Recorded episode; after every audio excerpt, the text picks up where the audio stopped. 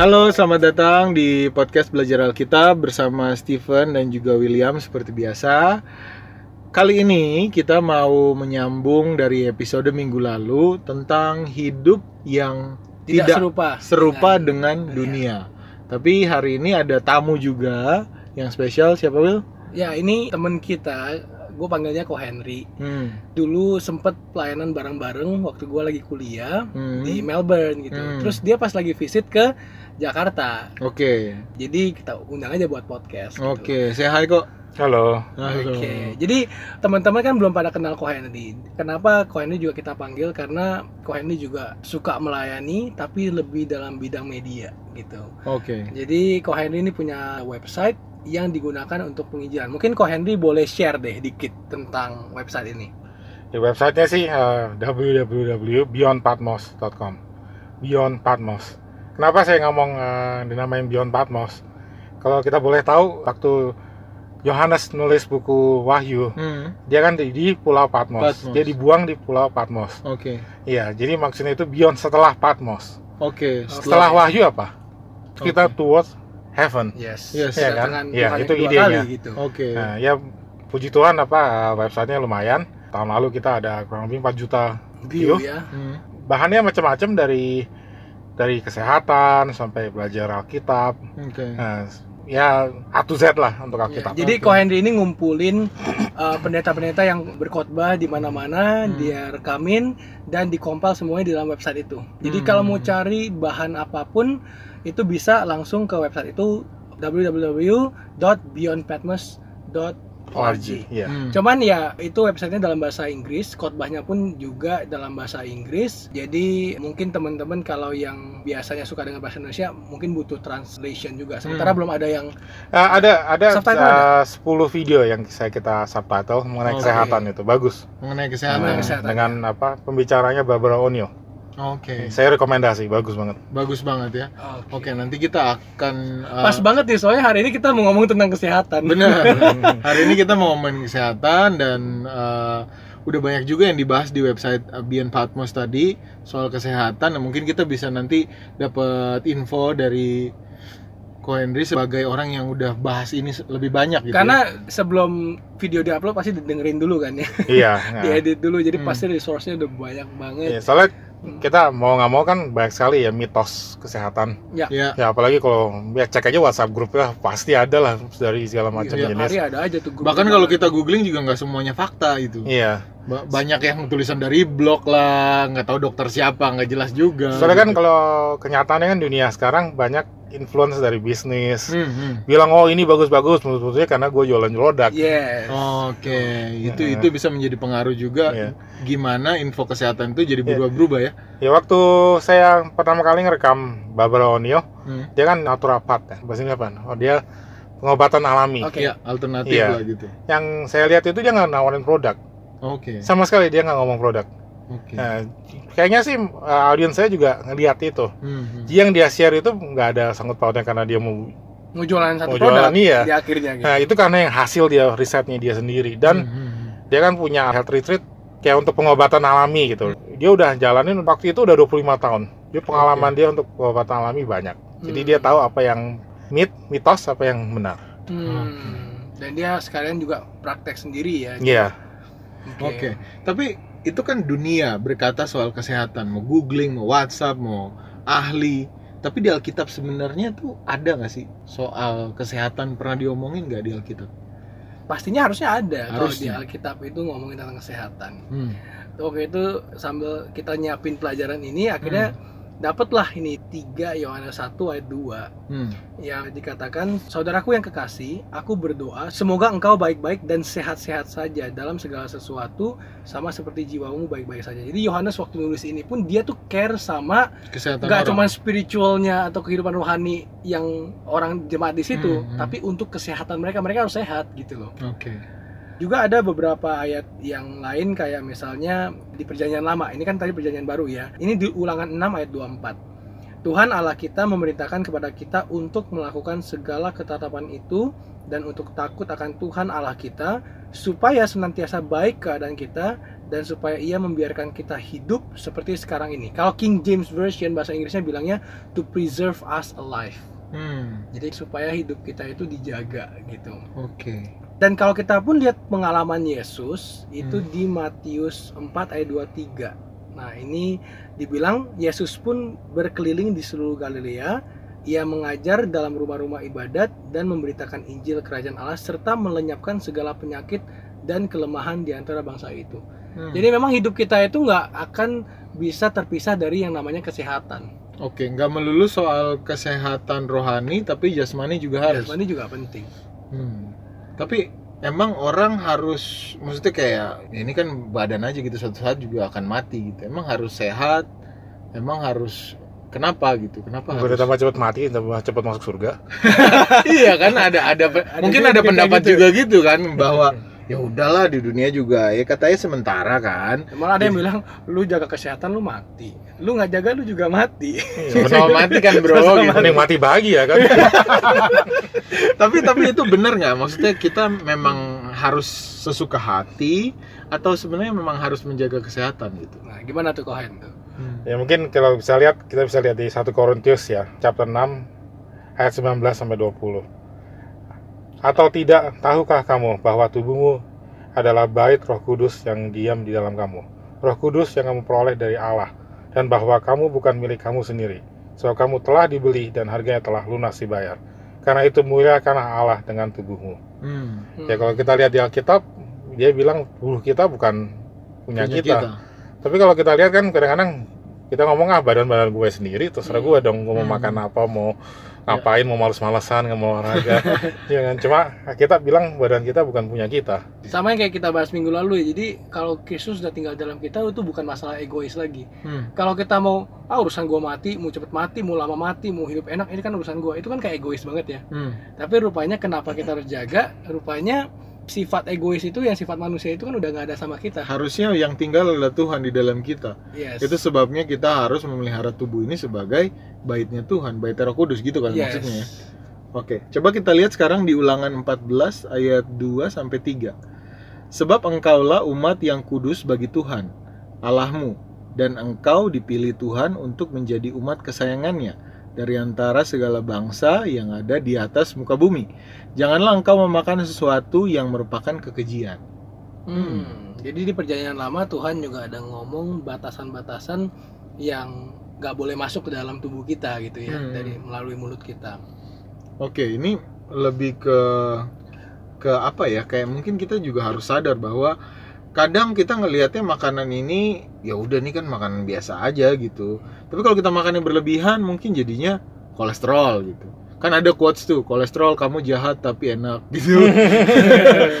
tapi bahkan orang-orang tuh udah tahu sebenarnya bahwa itu jahat dan berbahaya buat tubuh kita, tapi dikesampingkan fakta itu karena ya udah lidah aja Tapi nih toh- dan ego kita gitu. Oke, jadi kenapa kita harus jaga kesehatan tubuh? Rupanya karena memang tubuh kita ini adalah bait Allah dan Hmm.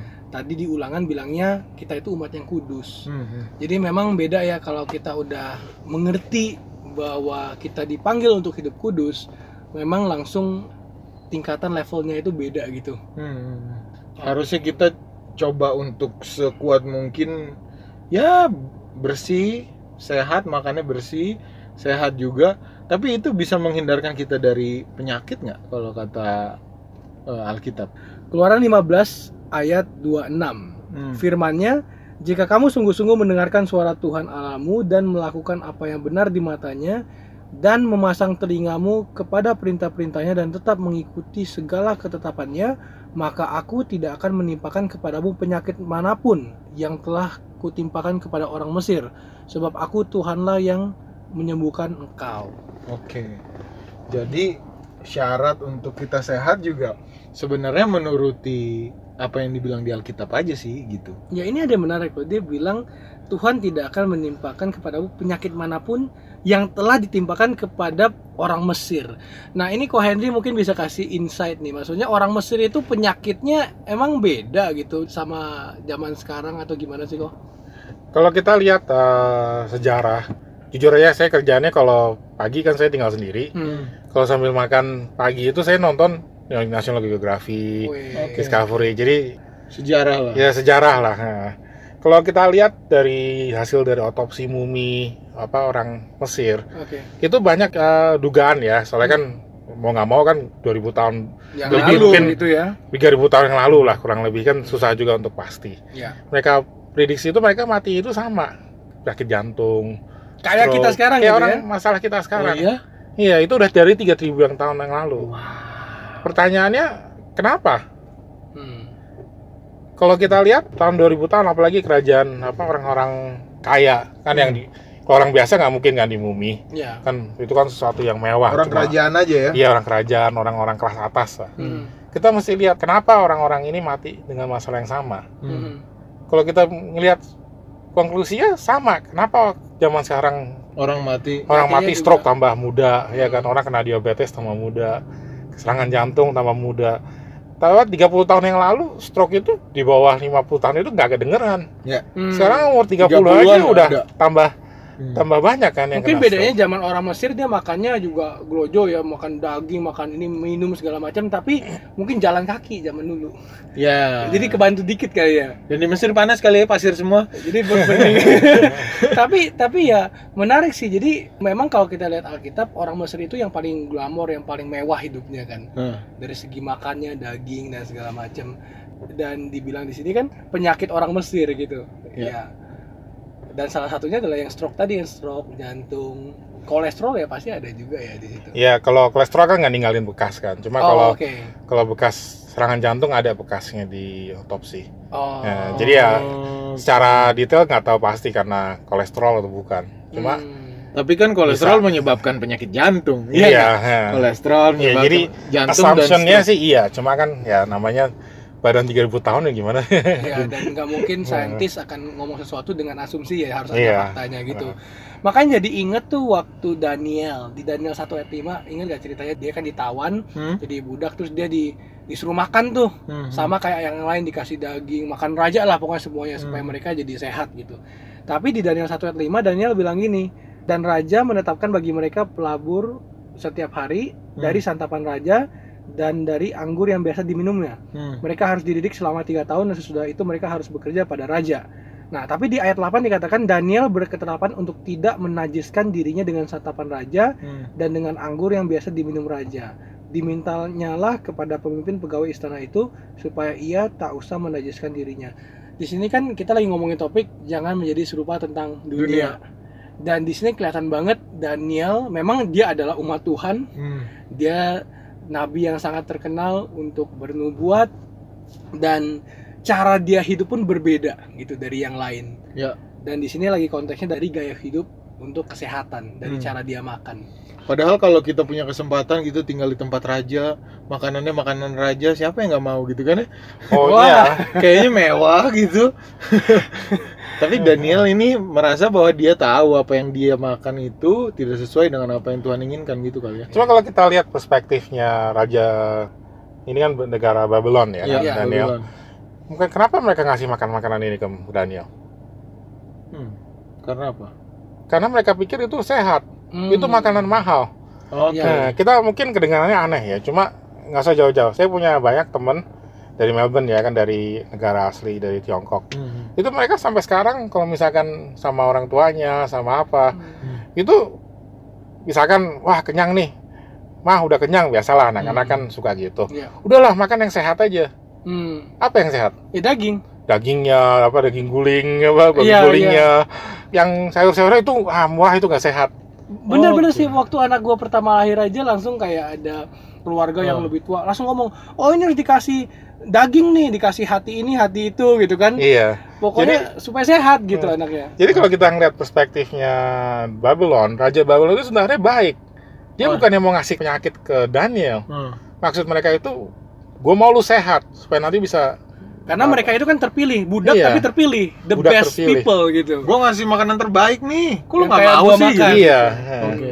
Jadi kalau kita ngeliat perspektifnya Daniel, sebenarnya gigi juga kan maksudnya kan dia Iya. maksudnya baik, Iya. bukannya mau racunin kan? Dan dan Daniel juga jadi orang aneh sendiri di situ ya kayak ngapain nih orang ya?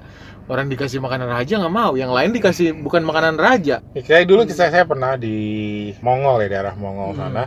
Sekarang bagian Cina kok ya, Oke. Mongol. kita mau training mereka untuk makan sehat. Hmm. Kan baik dari kita vegetarian. Hmm. Cuma untuk orang Mongal itu ya, jangan vegetarian, makan sayur aja udah udah achievement itu. Kenapa mereka bilang sayur-sayur itu makanan kuda, Ah. daging itu makanan orang. Hmm. Jadi Jadi perspektifnya udah apa ya, udah salah aja gitu. Banyak orang yang perspektifnya udah ya karena ini mahal, ini artinya sehat. iya. Ya. Ya karena ini carinya susah, karena ini harus berburu. Ya makan hanya raja-raja, berarti Ya. ini pasti the best food gitu. Ah, ah, ah, ah. Tapi padahal sebenarnya ya mungkin sehat benar. Tapi kalau berlebihan Hmm. dan gak lebih sehat pasti dari sayur dan buah dong. Hmm. Seharusnya karena kan mengandung kolesterol. Kalau mengandung kolesterol lu makan sekali nggak apa-apa. Lu makan tujuh hari dalam satu minggu, terus dalam satu hari lu makan tiga kali, Hmm. ya hal yang sama, kan itu berlebihan juga buat tubuh kita. Yes. Itu makanya tadi dibilang bahwa kita harus menjaga tubuh kita sebagai uh, Uh, bait bait terkudus Allah. gitu, bait Allah gitu. Ya. Oke. Jadi di sini juga dibilang di ayat 12 yang masih Daniel 1 ya, Hmm. dibilang adakanlah percobaan dengan hamba-hambamu ini selama 10 hari dan biarlah kami diberikan sayur untuk dimakan dan air untuk diminum. Hmm. Sesudah itu bandingkanlah perawakan kami dengan perawakan orang-orang muda yang makan dari santapan raja, kemudian perlakukanlah hambamu ini sesuai dengan pendapatmu. Hmm. Nah, terus dibilang setelah lewat 10 hari ini ayat selanjutnya ya, Hmm. perawakan mereka lebih baik dan mereka kelihatan lebih gemuk daripada semua orang muda yang telah makan dari santapan raja. Hmm. Wow, jadi saat semua orang mayoritas ngomongnya makan daging dan minum anggur, Hmm. di sini dia mintanya makan sayur dan minum air. Hmm. Dan dia cuma minta 10 hari aja buat membuktikan yang mana lebih sehat. Ini saya ada yang menarik ini. Kan dia bilang setelah 10 hari lihat penampilan kita. Hmm. Iya nggak? Perbedaan. Saya pernah kurang lebih taruh satu bulan lalu lah. Oke. Ada video video tua ya, video dari tahun 1950 Hmm. gimana untuk kecantikan. Oke. Ini untuk training anak-anak di Amerika ya waktu Hmm. itu karena videonya kan orang bule. Hmm, Mungkin lebih 1940 kali. hmm.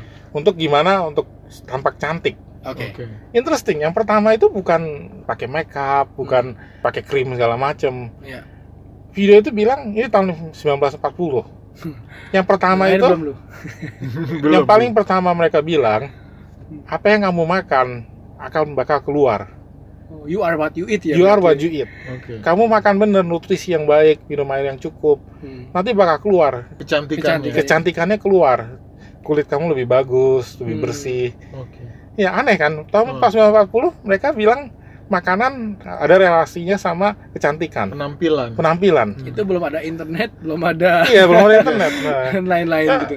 lebih apa lagi nih Daniel udah tahu ini dari tahun berapa ini? Ini adalah 2000 tahun sebelum Masa ya udah Masehi 4000 ya. tahun yang lalu ya kurang lebih. ya, 4000 tahun yang lalu. Daniel udah tahu kalau makanan itu pengaruh, pengaruh dengan ke penam- Dan dia cuma minta penampakan 10 luar. hari loh.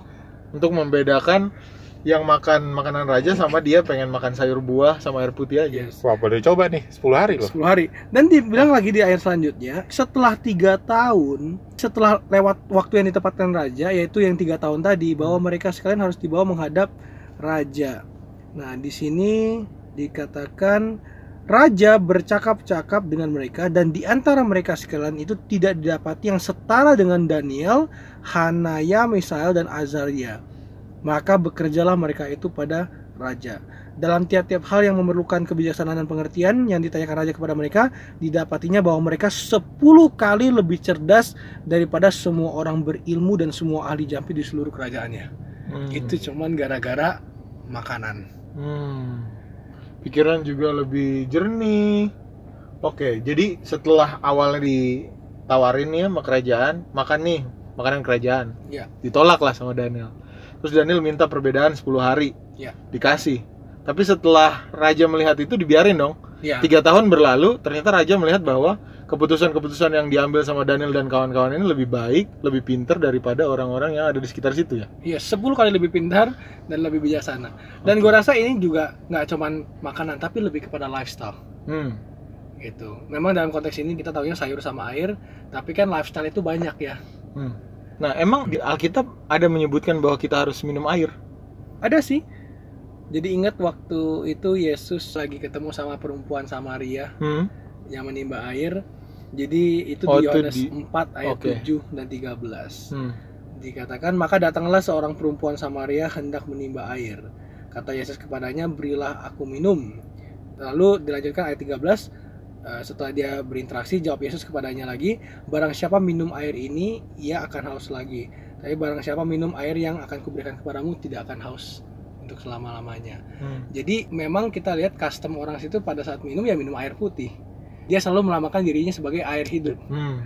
Jadi memang air itu adalah yang the best thing. Daniel juga waktu itu ngomongnya berikanlah aku sayur dan air untuk diminum Hmm. gitu. Hmm.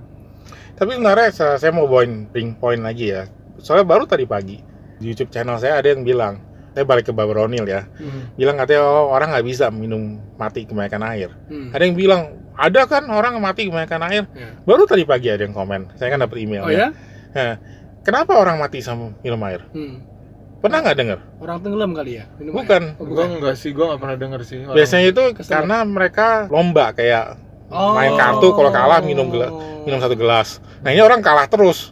Oh. Jadi minum kurang bisa 5 liter dalam jangka Satu waktu kali. satu jam. Ya itu tubuhnya nggak bisa nyerap juga Iya. dong ya. Ini bring poin yang penting itu makanan apa pun kayak Daniel contohnya kan dia bilang sayuran. Hmm. Kita kalau makan coba makanan yang sehat apa ya sayur yang sehat?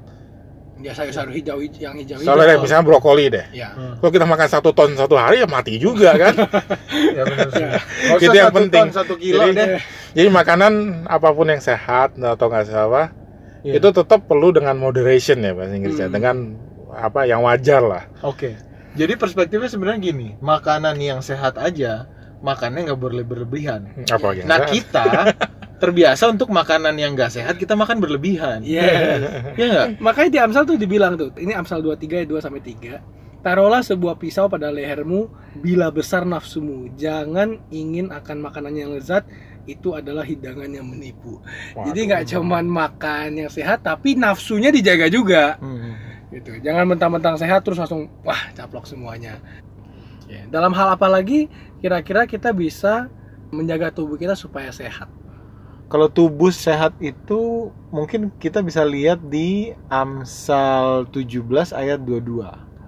Hati yang gembira adalah obat yang manjur tetapi semangat yang patah mengeringkan tulang. Nah itu benar juga tuh.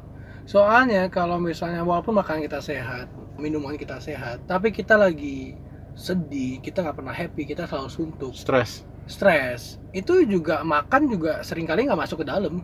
Hmm. Jadi bisa ada orang bawaannya jadi malas makan, sama sekali malah nggak mau makan berarti gak ada gizi. Hmm. Tapi ada orang juga makannya memang sehat, tapi tetap aja gara-gara stres sakit-sakitan juga. sakit-sakitan juga, gitu. Saya pernah ini eh, ketemu namanya Dr. Tibet. Dia punya dia penulis buku Forgive to Live. Hmm. Oke. Dia apa eh, spesialis mengenai kesehatan. Hmm. Dia interesting. Kita zaman sekarang sakit serangan jantung itu relasinya sama apa? Sama Kita kelebihan kolesterol. ya. Ya kan? Dia bilang orang yang tinggi kolesterol tinggi bakal risknya serangan jantung gede. Karena Hmm. penyempitan pembuluh darah. Iya kan? Dia bilang gitu. Cuma ada satu lagi yang lebih akurat Hmm. untuk kemungkinan Serangan jantung. serangan jantung. Bisa tebak apa? Pikiran. Stres Hmm. Hmm. atau pemarah, anger. Hmm. Kan ada kan orang yang apa? Dikit-dikit eh, emosional. dikit-dikit marah atau kadang-kadang nyembunyiin kemarahan. Oh, Oh, malah apa? mendem, Mendem, dirinya gitu iya. ya. Itu bahaya juga itu ya. Itu jauh lebih berbahaya daripada kolesterol. Oke. Oke. Padahal kan kadang-kadang Pendendam. pendendam. Kadang-kadang kita pernah kan ketemu orang udah mungkin udah umur mungkin udah 40 50 tahun. Hmm. Dia marah sama orang ini. Ya. Kalau ditanya-tanya kejadiannya kapan sih? 30 tahun yang lalu. Wih.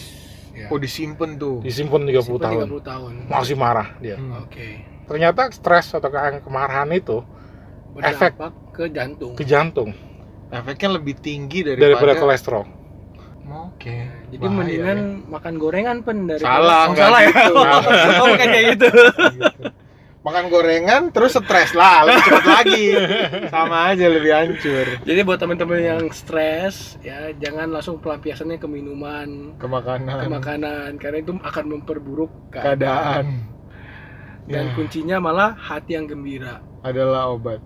Yesus juga ngomong sih waktu dia kan sering berkhotbah ke mana-mana dan Hmm. dia bilang sama muridnya di Markus 6 ayat 31 Hmm. dia katakan marilah ke tempat yang sunyi supaya kita sendirian dan beristirahatlah seketika. Hmm. Sebab memang begitu banyaknya orang yang datang dan yang pergi sehingga makan pun mereka tidak sempat. Jadi walaupun dalam kesibukan Yesus pun ingetin kita untuk istirahat juga perlu ada Hmm. waktu. Kadang stres itu kan gara-gara apa? Otak kita nggak berhenti mikir. Kita worry semua di situ tanpa berhenti. Kita selalu merasa burden itu ada selalu di situ. Hmm. Kita selalu berpikir mencari solusi untuk masalah kita dan nggak henti-hentinya. Padahal pada saat kita berdoa, pada saat berdoa kita dapat damai. Dan biasanya ya kalau gua lagi stres banget berdoa terus ketiduran. Dan gue merasa pas tidur kayaknya otak ini shutdown. Jadi memang otak itu perlu istirahat dan badan kita pun juga perlu istirahat. Benar. Uh, begadang juga itu jadi salah satu masalah untuk ya kita yang masih masih muda ini kayaknya susah banget kamu tidur cepat gitu ya. Iya. Lebih enak tidurnya agak telat gitu kan. Stres itu stres itu satu masalah. Tapi di luar stres itu kita harus rutinitas kerja, kita Hmm. harus memenuhi kebutuhan si A, kita harus jemput si B, Ya. kita harus A, B, C, D. Jadi itu bertumpuk-tumpuk sehingga oh kok kayaknya nggak berhenti nih. Capek nih. gitu. Seperti itu nggak sih? Pernah merasakan hal yang seperti itu nggak kayak eh, memang susah sih hidup stres ini. Stres itu sebenarnya ada dua, dua faktor ya. Hmm. Ada kadang-kadang eksternal. Hmm. Contohnya mungkin keluarga sakit Hmm. atau beban di kantor atau beban di kantor. Itu Hmm. kadang-kadang kan kita nggak ada pilihan. Hmm. Kita nggak punya kontrol Ya juga. nggak punya kontrol kan. Contohnya baru dua minggu lalu sepupu saya papahnya stroke, Oh, Hmm. oke. ya kan. Dia lagi lagi training di tempat kerja baru. Hmm. Hmm. Dia nggak bisa datang training kan gimana? Stres. Dia ninggalin papahnya kasihan. Tapi Dia- kalau Dia ninggalin opportunity juga. iya Oke. timing itu bentrok banget. Jadi dia stres berat dia. Hmm.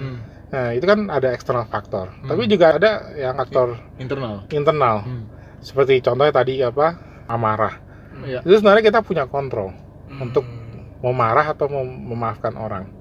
Ya. Nah, kita bisa minta bantuan dengan bantuan dari Tuhan Hmm. untuk memaafkan. Hmm. Jadi ada dua faktor, ada yang memang dari eksternal, tapi cara prosesnya pun sebenarnya terserah kita. Hmm. Kita bisa mempercaya kepada Tuhan untuk bekerja dalam hidup kita. iya untuk bekerja, untuk kontrol Hmm. kita punya emosi. Minimal yang internal ini adalah yang dalam kendali kita kan. Hmm, Dan yang eksternal kita minta Tuhan untuk berikan kekuatan lebih gitu ya. iya, Hmm. Selain itu kalau punya lingkungan atau komunitas yang baik yang kita bisa cerita itu juga sometimes bisa rilis sih Hmm. apa yang menjadi beban kita gitu. Tapi jangan sampai juga komunitas ini malah bikin kita tambah stres. Kita cerita malah dia nambah-nambahin masalah. Emang gitu tuh dia malah gitu. Ya itu mah udah salah aja udah. Enggak begitu Salah cerita, lingkungan. udah Ini- sini aja nih ini- makan dulu sama kita nih. Terus Ini- makannya ini, ya, ini poin yang bagus ini. Jadi pilihlah teman yang baik. ya. iya sih sebenarnya bener kayak gitu sih karena ada yang kita cerita dia malah ngajak kita misalkan ke tempat yang enggak enggak "Ih, kita rilis dulu rilis dulu malah alkohol jatuhnya malah jadi salah akhirnya kita terbiasa untuk setiap ada masalah kita lari ke situ Ya. karena lingkungan menyarankan bahwa oh ini bisa rilis masa lalu loh Hmm. Ini saya punya testimoni. Ada di website saya juga. Waktu Hmm. itu saya ketemu namanya Michelle Hood. oke Dia dari uh, sorry ya saya agak ngomongnya agak blunt. Hmm. Dia dari umur 12 tahun di abuse sama orang tua lah, Hmm. orang yang influential di komunitasnya. Hmm. Jadi orang nggak ada yang percaya kalau ah masa sih masa sih dia orang di-abuse? terhormat Hmm. Kayak bisa gitu. kayak gitu. Hmm. Jadi kasarnya mamanya sendiri aja nggak percaya. Hmm. oke Jadi kita bisa ngerti dong stresnya gimana. Hmm, Dia udah yes. di abuse. Dan nggak ada orang yang support dia. Iya, abuse-nya juga dia. bukan secara fisikal, secara ya Ya. Macam-macam ya lah. macam-macam lah. Nah, dia dia bilang dia nyimpan kemarahan itu dia mungkin kalau di Indonesia mungkin nggak terlalu kelihatan. Kalau di saya kadang-kadang kita ngelihat kayak perempuan middle age gitu, Hmm. itu ugal-ugalan, gila-gilaan kan sambil Hmm. mabuk segala macam. Hmm. Dia bilang kalau ngelihat perempuan kayak gitu, Hmm. wanita kayak gitu, I'm one of them. Hmm. Kalau di Australia kan kalau ngebut kan kena speeding ticket tuh. Hmm. Speeding ticket dia tuh udah banyak Ya. banget wah udah udah udah jadi album kali itu. Udah Jadi jadi satu mobil lagi. Iya udah satu mobil lagi udah. Pokoknya dia didenda itu sering banget. Hmm. Dia suka mabuk-mabukan. Oke. Di tempat kerja dia orangnya Emosional. bukan emosional, malah kayak evil manager. Oh, Oke. oke. Tapi karena dia orangnya keras ini-gini, jadi manajer dia. Hmm. Tapi manajernya, employee-nya dia tuh stres semua. Hmm. Orangnya apa? Short tempered segala macem. Hmm. Sampai dia bilang ada satu hal kenapa dia bisa berubah. Hmm. Dia kan broken marriage juga ya. Namanya orang kayak gitu susah lah. Hmm. Bayangin kalau kita punya partner Hmm. apa short fuse apa egois segala macam Hmm. karena dia bawa background punya- masa lalunya dia masa lalu dibawa 40 tahun sama dia Hmm. sampai dia ketemu suami dia yang sekarang Hmm. Suami dia yang sekarang ang- dia ngajarin ayo kita belajar Alkitab lagi Hmm. Ngomong-ngomong background dia orang Kristen ya Hmm. jadi dia waktu masih kecil waktu dia di abuse physical itu juga di lingkungan gereja sebenarnya Hmm. nah tapi dia akhirnya mau ke gereja sampai dia mohon untuk Tuhan untuk bantu dia untuk forgive Hmm. tahu yang paling hebat yang saya kagum sama dia Hmm. Dia datengin itu orang Wow. Yang kebetulan masih itu. hidup Hmm.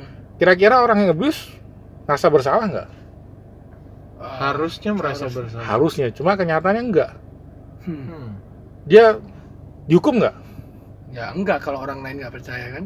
enggak soalnya dia kenapa dia orangnya licik Hmm. dia kan bukan Michelle ini dia bukan satu-satunya korban Hmm. Hmm. tapi setiap kali mau dicegat polisi dia ada alasan dia udah tua sebentar lagi mau mati katanya Hmm. jadi ya untuk ngapain capek-capek proses hukum kalau 6 bulan lagi dia mati Hmm. kenyataannya tiga tahun dia masih seger-seger aja Wow.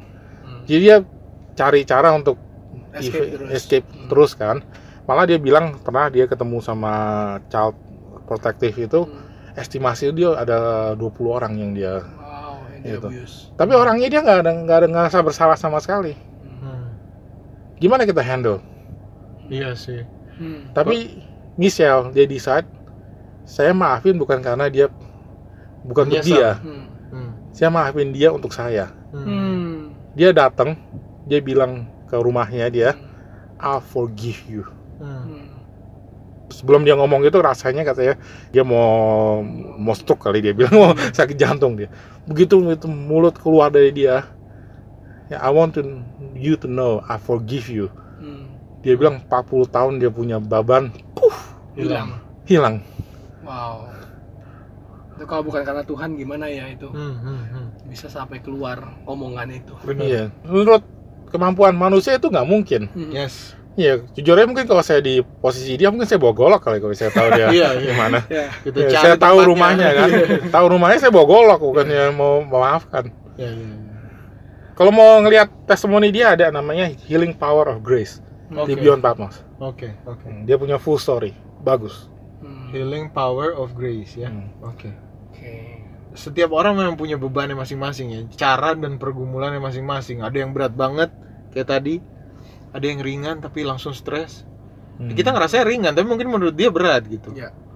dan ini saatnya untuk kita minta bantuan sama yang powernya yang kekuatannya lebih besar dari kita itu Tuhan gitu Yes. kalau kita nggak berserah ya ya gini-gini aja jadinya Ya kalau Tuhan bisa yang masih kekuatan untuk Hmm. Michelle yang di abuse dari umur 12 tahun hmm, untuk memaafkan hmm. Masalah kita apa sih? Iya, masa kita cuma gara-gara orang salah ngomong kita tersinggung empat tahun kita tahan kan nggak Iya. mungkin. Iya, makanya di sini ada ayat yang bilang Amsal 19 ayat 23, takut akan Allah mendatangkan hidup. Hmm. Terus kalau di bahasa Inggris dilanjutinnya and he that hath it shall abide satisfied dan dia yang mempunyai itu akan hidupnya itu puas gitu. He shall not be visited with evil. Dia tidak akan didatangkan dengan hal-hal yang jahat. Hmm. Dan memang kesaksian yang Michelle tadi benar-benar ini adalah kesaksian dari ayat ini gitu loh. Hmm. Takut akan Tuhan, dia punya hidup baru. Kejahatan itu dibuang benar-benar lari daripada dia. Hmm. Tapi memang kita harus dengerin lagi sih kesaksiannya guys secara full karena itu gak gampang. Kita kedengarannya gampang gitu Hmm, ya. Betul. Sekarang Michelle dia bikin fondasi untuk bantu anak-anak yang di Di abuse. ya bukan anak aja orang-orang yang punya Ya. trauma dari anak-anak dari Hmm. childhood trauma. Soal Oke. trauma. Hmm. Oke. Hmm. Sebenarnya kayak kita nih ngerasa bahwa kita punya masalah. Dua minggu lalu kita dapat email tentang orang yang punya penyakit autoimun yang membuat dia sebenarnya bisa stres juga karena berdampak sama fisiknya dan Hmm. dia ngerasa masa depannya bisa terganggu gara-gara apa yang terlihat di fisiknya. Ya. Itu sebenarnya masalah yang berat yang kalau kita bandingin sama punya kita, harusnya kita bisa melewati masalah-masalah itu. Yes. Cuma masalahnya kita mau nggak serahkan masalah-masalah ini sama Tuhan. Orang-orang yang punya beban yang berat-berat tadi, itu mereka bisa lewat karena menyerahkan masalah-masalahnya sama Tuhan gitu. Hmm. Jadi kita bisa lihat bukan hanya dengan hal-hal yang kita makan Betul. atau kita minum, Hmm. tapi itu dari pikiran juga pengaruh hati yang gembira, Hmm.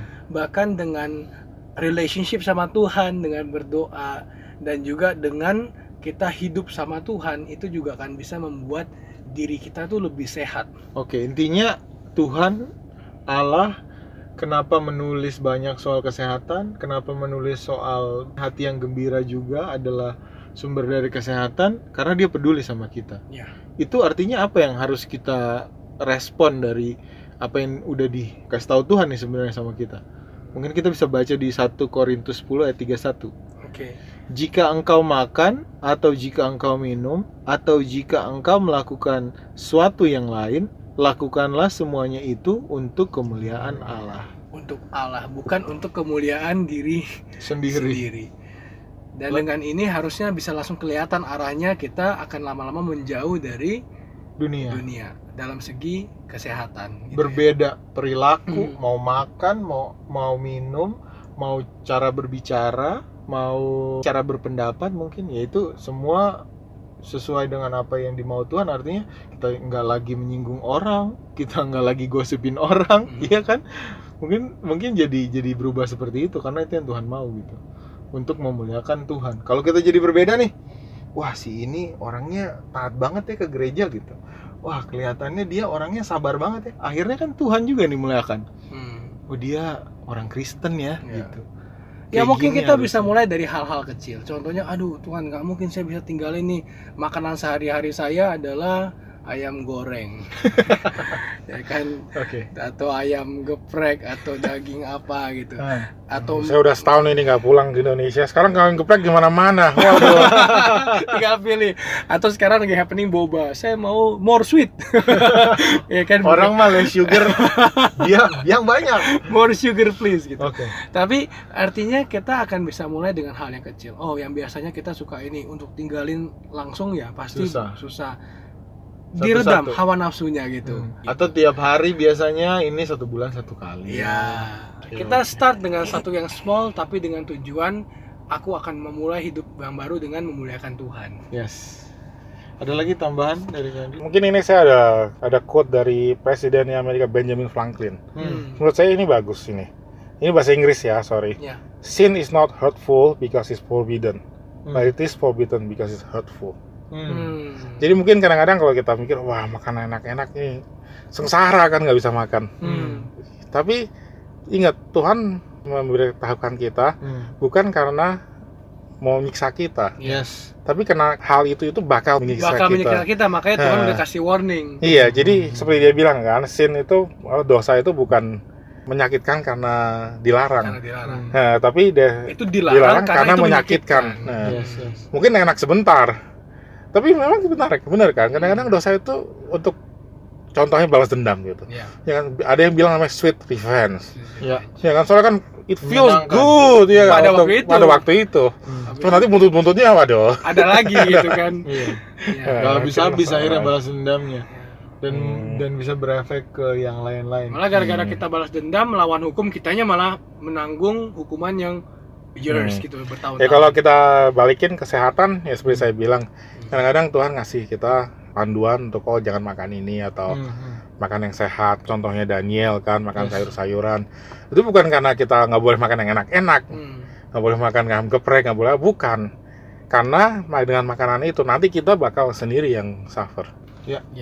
Tuhan nggak mau kita sakit nanti jadi dilarang bukan karena supaya kita aduh ribet banget nih Tuhan bukan gitu tapi karena ya itu sakitnya nanti loh dia akan menyiksa itu Udah sampai sakit nanti mending ngerepotin diri sendiri, ngerepotin orang lain, Yes. suruh jagain kita.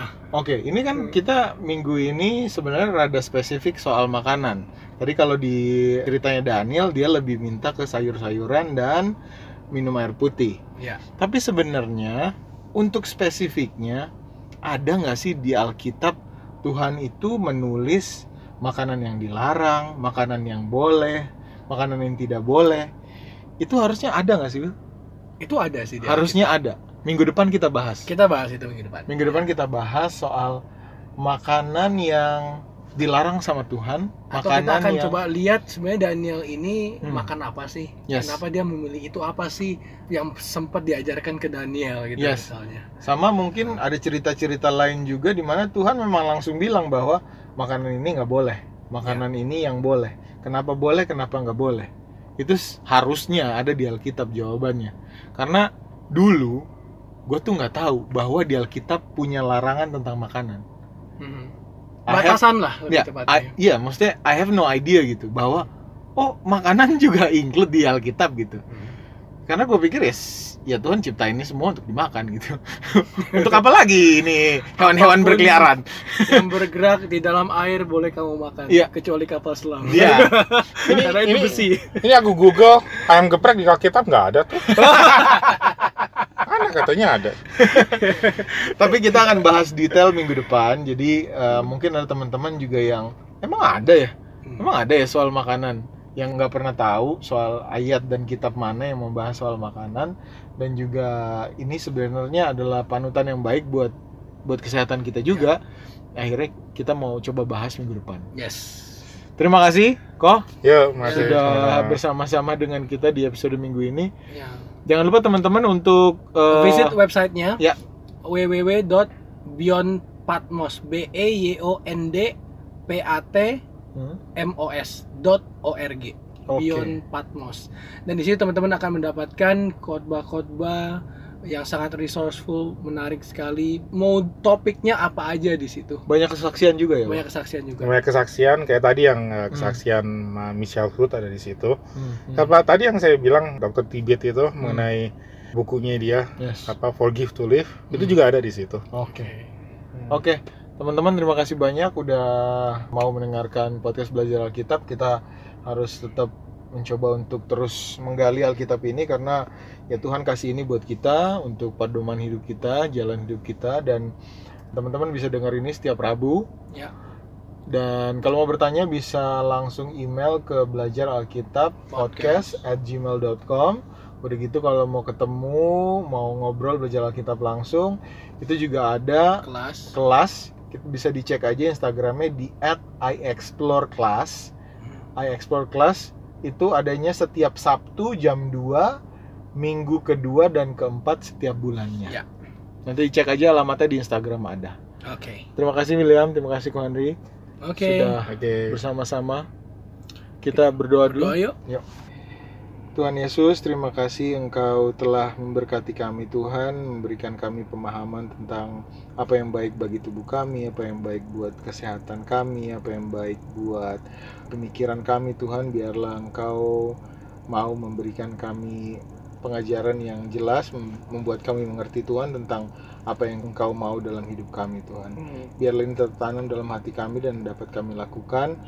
Minggu depan kami akan membahasnya lebih dalam lagi tentang makanan yang engkau anjurkan kepada kami dan mana yang tidak boleh. Biarlah engkau terus memberkati kami, melindungi kami bersama keluarga kami di mana pun mereka berada. Terima kasih Tuhan Yesus, hanya dalam nama Tuhan Yesus Kristus kami laskan ini. Haleluya, amin. amin